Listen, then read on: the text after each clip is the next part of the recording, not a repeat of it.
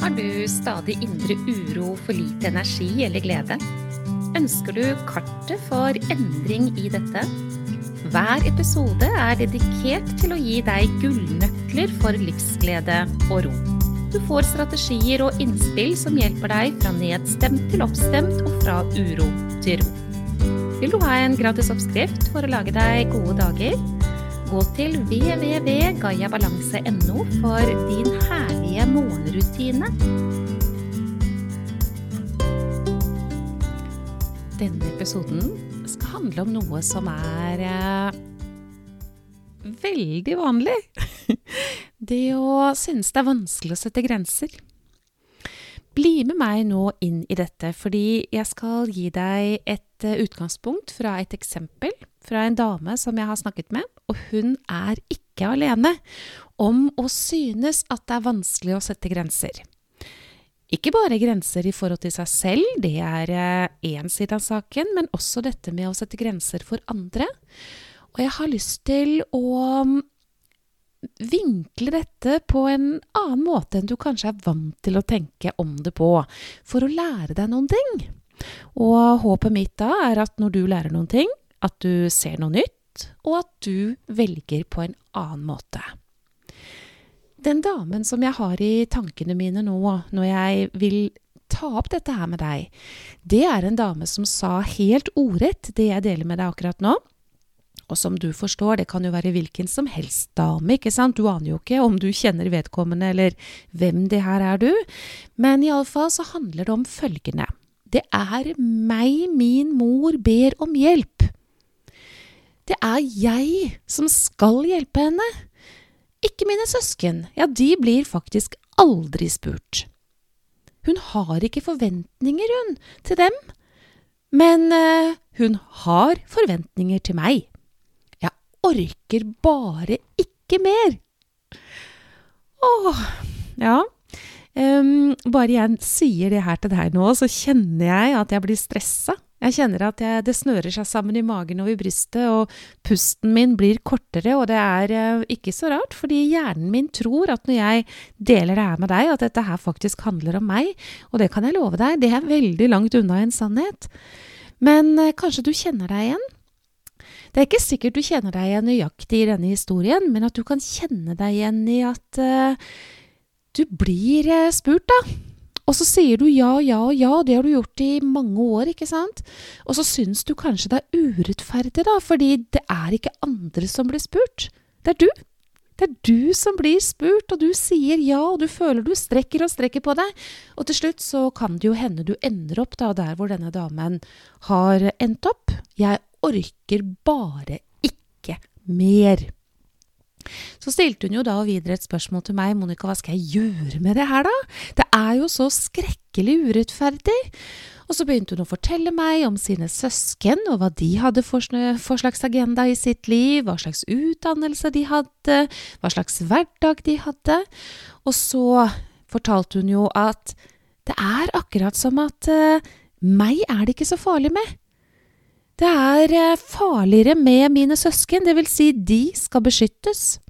De har høye utdannelser, de har krevende jobber, de hadde mye på sin tallerken gjennom dagene. Men eh, det samme hadde jo egentlig denne damen. Hun følte at eh, fordi hun ikke hadde høy utdannelse og en godt betalt jobb, så kunne hun brukes. Jeg lurer på er det ikke sånn da at når vi sier ja og ja og ja, at vi faktisk lærer omgivelsene våre til at det er ok? At vi kan bli spurt igjen og igjen og igjen, for det er jo lett å spørre de som alltid sier ja, er det ikke det da? Det kan jo også være sånn at man har forsøkt å spørre noen andre, men at de da har kommet med lange avhandlinger, ikke sant, om hva de har for slags eh, agenda, og hva de har å foreta seg gjennom dagene, og alt hva de må huske på, og alt dette her, og så har de kanskje sagt nei, da. Og det kan jo være at når de har sagt nei, at vedkommende som har fått dette nei-et, har blitt såret at det har skapt noen følelser som er vanskelig å møte. Og hvis det er sånn at ved å få nei eller bli fortalt at dessverre, jeg kan ikke by på dette, og at det har skapt vanskelige følelser, så er vi mennesker slik at vi prøver å unngå det igjen. Så i dette tilfellet, hvor det er to som ikke blir spurt, og én som blir spurt hele tiden, og som sier ja og ja og ja, hvis vi forestiller oss da at disse to som ikke blir spurt, begge har blitt spurt før, og så har de fortalt og satt grenser, de har sagt at vet du, hit, men ikke lenger, jeg kan ikke by på dette, det går faktisk ikke. Eller at de har begynt å prate om alt hva de har i sitt liv, og mor da i dette tilfellet har følt seg hva da? Kanskje hun har følt seg avvist? Hvilken følelse er det et menneske får i seg selv når uh, dette med å bli avvist er hva som gjelder, slik man da eventuelt oppfatter det? Det er en veldig vond følelse, og vi mennesker, du og jeg og alle, vi er veldig godt trent fra naturens side i å unngå å møte vonde følelser. Og hvis det er tilfellet, så kan det faktisk holde med én avvisning, det vil si, det er ikke sikkert det er en avvisning egentlig, men at det har blitt oppfattet som en avvisning. Og det kan da gjøres så vondt at man vil aldri utsette seg for det igjen.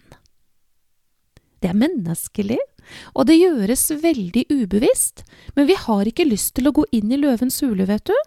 Så vi unngår det, vi går omveien, og så velger vi da den døren som alltid har stått åpen, og som aldri har bydd på noe som har skapt de vonde følelsene, og så gjør vi da mye heller det.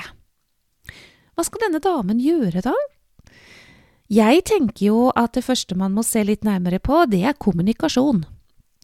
Eh, grensesetting må til, men hvordan skal man sette de grensene? Da er det veldig lurt å lære seg en måte å kommunisere på, hvor den andre føler seg ivaretatt. Ikke sant? Både sett, hørt og forstått, slik at budskapet man vil gi, ikke så enkelt blir oppfattet som en avvisning. Og det her er mulig å lære seg. Det er mulig å lære seg å kommunisere på en slik måte at man blir både forstått og sett og hørt, og ikke minst da sørge for at den man kommuniserer til, blir det samme. Og hvis man gjør det, hvis man får den andre til å føle seg sett, hørt og forstått når man kommer med sitt budskap, så er sannsynligheten for at den leie følelsen Eh, kommer, den er mye lavere. Og det er jo egentlig det vi ønsker oss. For i dette tilfellet som jeg tar opp i denne episoden, så vil det jo hjelpe henne veldig mye hvis hun kan få kommunisert hvordan hun føler om dette. På en slik måte at mor ikke blir såret og lei seg og skuffet, og det er mulig. Men eh, vi må huske på en ting til, at når vi setter grenser, vi må lære oss til å gjøre det på en best mulig måte. Men så kan vi rett og slett ikke gjøre så veldig mye mer, det vil si, vi kan ikke ta ansvar for hvordan den andre skal oppfatte det. Men vi kan gjøre grep i vår måte å kommunisere på som gjør sannsynligheten større for at budskapet blir tatt imot på en god måte, enn det motsatte. Og det er jo bare fantastisk, er det ikke det, da? At det går an, ja, det gjør faktisk det men ikke hvis man har prøvd dette flere ganger og det ikke har blitt på den måten, for da har man en måte å kommunisere på som ikke kommer til å skape det. Så hva skal hun gjøre?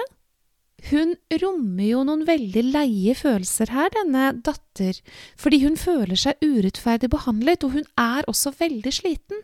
Hun føler seg ikke sett, hørt og forstått, hun føler rett og slett at mor beskytter hennes søstre fordi de har høy utdannelse og så mye å gjøre, men eh, det samme har jo egentlig denne tredje datteren. Bortsett fra høy utdannelse har hun faktisk mye å gjøre, og hun føler at den byrden det er ved å ta alt dette som mor ønsker seg, og ber om fordi hun trenger det, slik hun tror det, fra sin datter, det blir en for stor bør å bære. Så grensesetting må til, men eh, det å grensesette på en slik måte at man kan møte det som foregår, ja, det er veldig lurt å lære seg. Jeg lærte jo bort til denne damen som eh, tok kontakt og ba om hjelp i forhold til dette, hva hun skulle gjøre, hvordan hun skulle kommunisere slik at mor følte seg sett, hørt og forstått, og jeg vet at det her gikk veldig, veldig fint. Og ikke bare det. Mor, hun eh, nærmet seg sin datter på en annen måte videre. Hun spurte henne annerledes. Hun var faktisk også hyggeligere å være sammen med, fortalte datter. Det var akkurat som at mor hadde fått større respekt for henne når hun hadde satt grenser. Og det er jo noe som kan bli en annen episode, dette med å være tydelig og grensesettende på en god måte. Ja, det er også gode bidrag til å bli mer respektert. Bare et siste innspill på det. Det er ingen av oss som får mer respekt uten at vi ber om det. Vi får ikke respekt eh, uten at vi ber om det veldig ofte, altså, fordi mennesker er ikke så gode på det hvis ikke de uh, helt av seg selv byr på den respekten. Du, jeg har laget en gave til deg, jeg minner deg på det hele tiden. Gå inn på www.gayabalanse.no og ta imot din herlige morgenrutine, fordi den hjelper deg til å bli sterkere i deg selv, til å stå tryggere i deg selv, og på den måten så har du også en mulighet til å kunne kommunisere enda tydeligere. Er ikke ene og alene nok, men det er en nødvendig brikke i det spillet.